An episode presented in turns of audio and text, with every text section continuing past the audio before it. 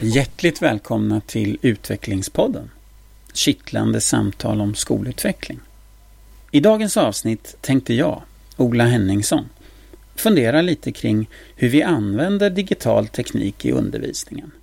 Lite varför vi gör det och hur vi ofta börjar använda den. Men framförallt kring förutsättningar och förväntningar på skolan och dess lärare. Men jag vill börja min berättelse i somras då jag var uppe på vår vind för att städa undan en massa skräp. Ni vet säkert hur det blir med tiden. Låda på låda med gamla saker samlas där. Och när jag då kollar igenom innehållet i några av dessa lådor fann jag bland annat gamla kassettband. Massor av band där jag samlat ihop mina favoriter av låtar.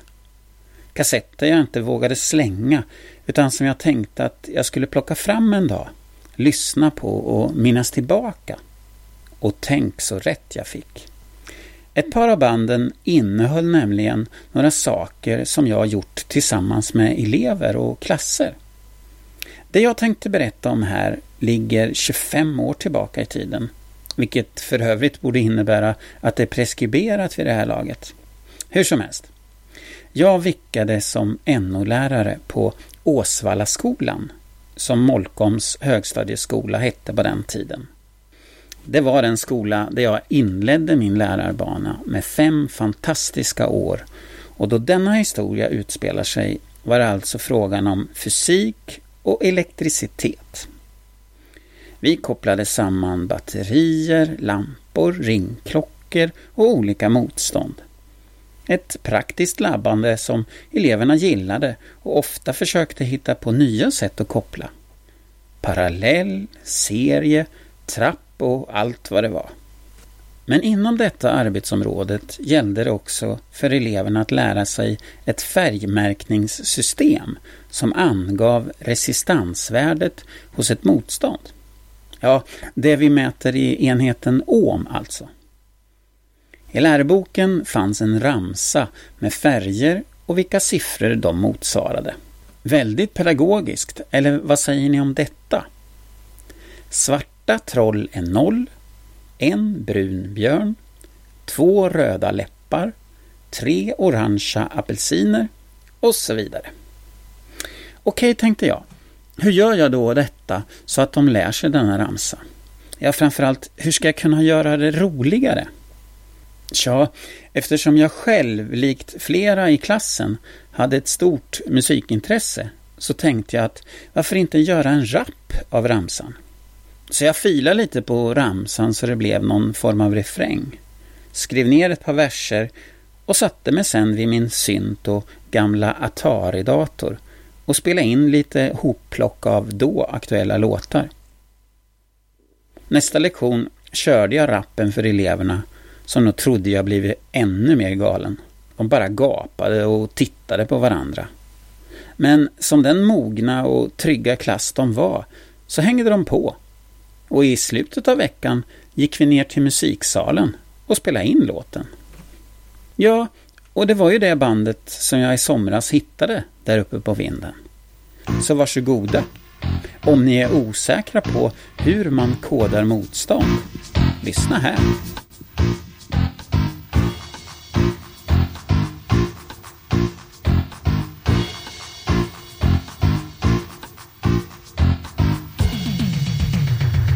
Vi ska koda motstånd.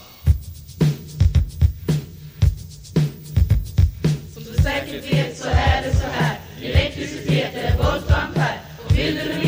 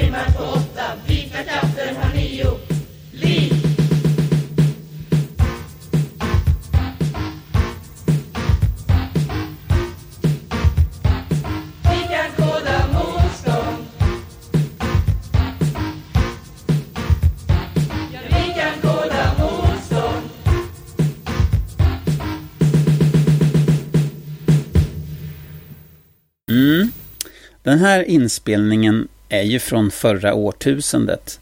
Men jag tycker ändå att det är roligt att höra vad vi kunde göra redan då. Idag är vår tillgång till teknisk utrustning en helt annan.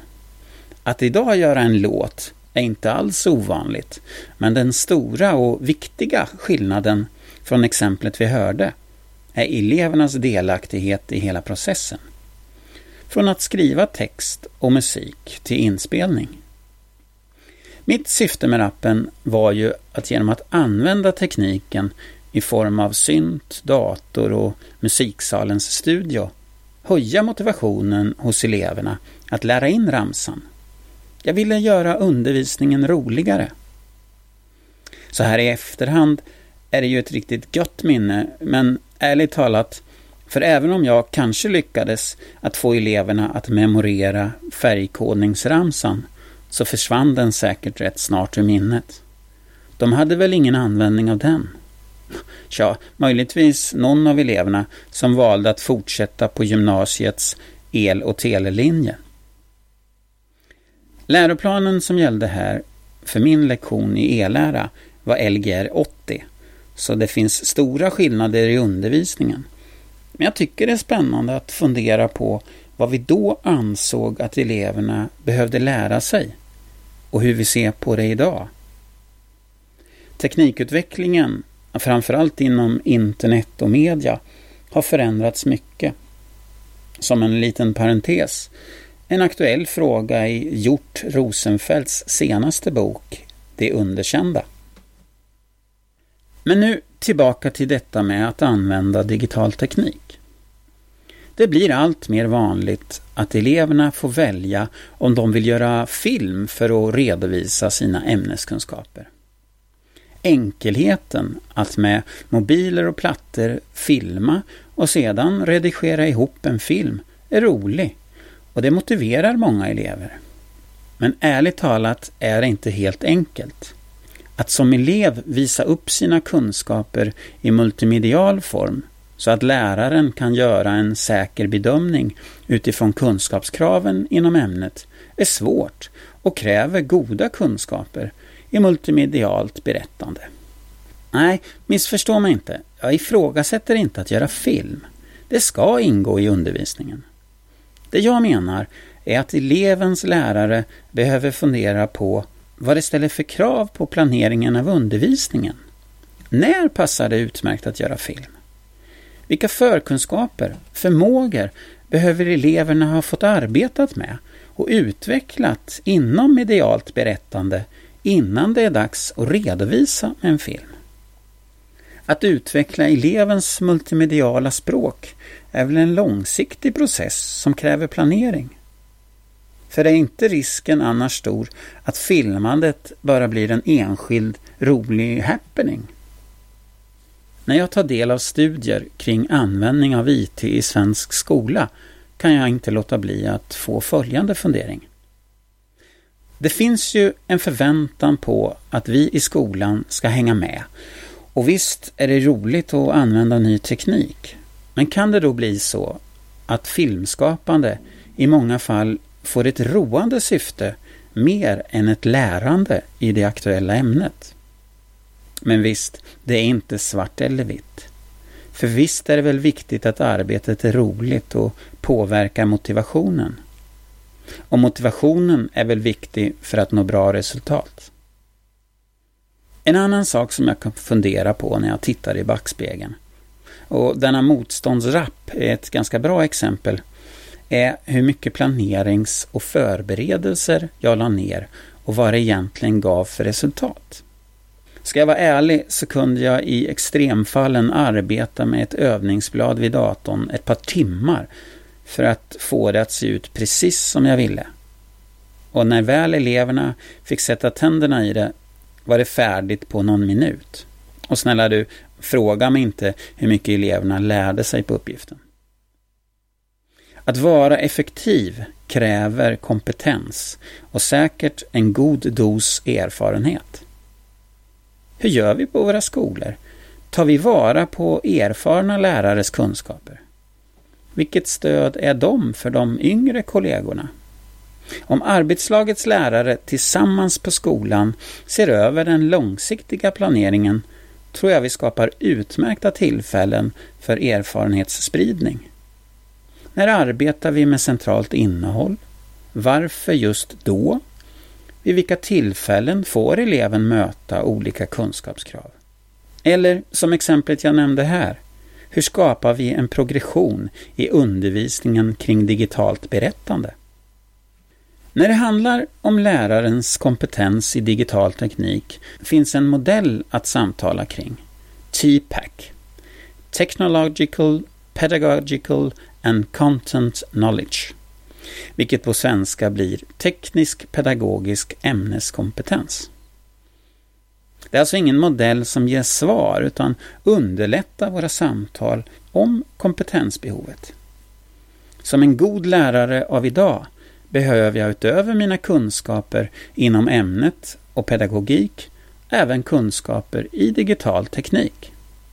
Hur och när använder jag och mina elever digital teknik för att på bästa sätt stödja lärandet?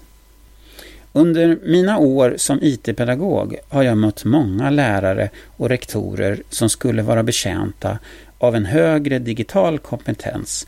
Det handlar både om förståelse för hur digital teknik kan gynna elevernas lärande och för egen hand att bli mer effektiv. Teknikutvecklingen är stark och påverkar vårt samhälle, vår vardag. Vilka förutsättningar kan vi eller ska vi ha på våra lärare och rektorer? Måste alla lärare undervisa med digital teknik? Eller räcker det så att säga med den undervisning som skolan i sin helhet erbjuder eleven? Nej, personligen anser jag att det behöver göras en nationell insats för att möjliggöra lärarens och skolans förmåga att följa och hantera den otroliga teknikutveckling vi är mitt uppe i. Då tror jag att vi har mycket att vinna på att titta tillbaka på satsningar som gjorts på senare år. Jag tänker då främst på ITIS och PIM. ITIS var en bred satsning för att få fart på IT i skolan. Infrastruktur var en klok satsning som gav oss till exempel fibernät, vilka vi har användning av än idag. Men effekten av att pedagogerna fick varsin dator blev inte så bra då vi inte lyckades följa upp den med mer konkret användning i verksamheten. Däremot var de pedagogiska samtalen i arbetslagen nödvändiga för att försöka implementera den 6, 7, 8 år nya läroplanen. En av de texter som vi läste då hade titeln Det finns ingen IT-pedagogik. En text som säkert skulle hålla bra även idag. För att höja lärarens personliga kompetens och i en tid då webb 2.0 möjliggjorde producerande och kommunicerande via nätet så kom utbildningen PIM, Praktisk IT och mediekompetens. En individuell utbildning över nätet och med lokala handledare för att lära grunderna och få en koppling till användningen i klassrummet. Resultatet av denna satsning var tydligt kopplat till styrning och ledning av rektor. Skolor där PIM fanns utpekat som en del av arbetet samlade många PIM-stjärnor och fick en helt annan fart och bredare IT-användning. Jag önskar att det görs en nationell satsning med stöd för att kompetensutveckla skolledare och pedagoger. Inte en satsning i projektform såsom ITIS och PIM, utan ett etablerat stöd. Idag får varje kommun eller skola på egen hand uppfinna hjulet eller vända sig till leverantörer som inriktat sig på att sälja hårdvara och kompetensutveckling. De gör på många sätt ett bra arbete, men enligt min mening lyckas sällan kommunerna eller skolan ta över eller ärva processen kring kompetensutvecklingen då avtalet med leverantören är slut. Det blir allt för ofta kostsamma punktinsatser. Vi har alla, på ett eller annat sätt, höga förväntningar på digital teknik. Förväntningar finns även på skolan och lärarna. Så frågan blir då, hur rustade är lärarna och skolan? Vilka förutsättningar har de idag? Om det i detta finns en problematik, vilket jag alltså förutsätter, hur ska vi då möta den? Mm, något att fundera på. Och som jag upplever det, föra kittlande samtal om.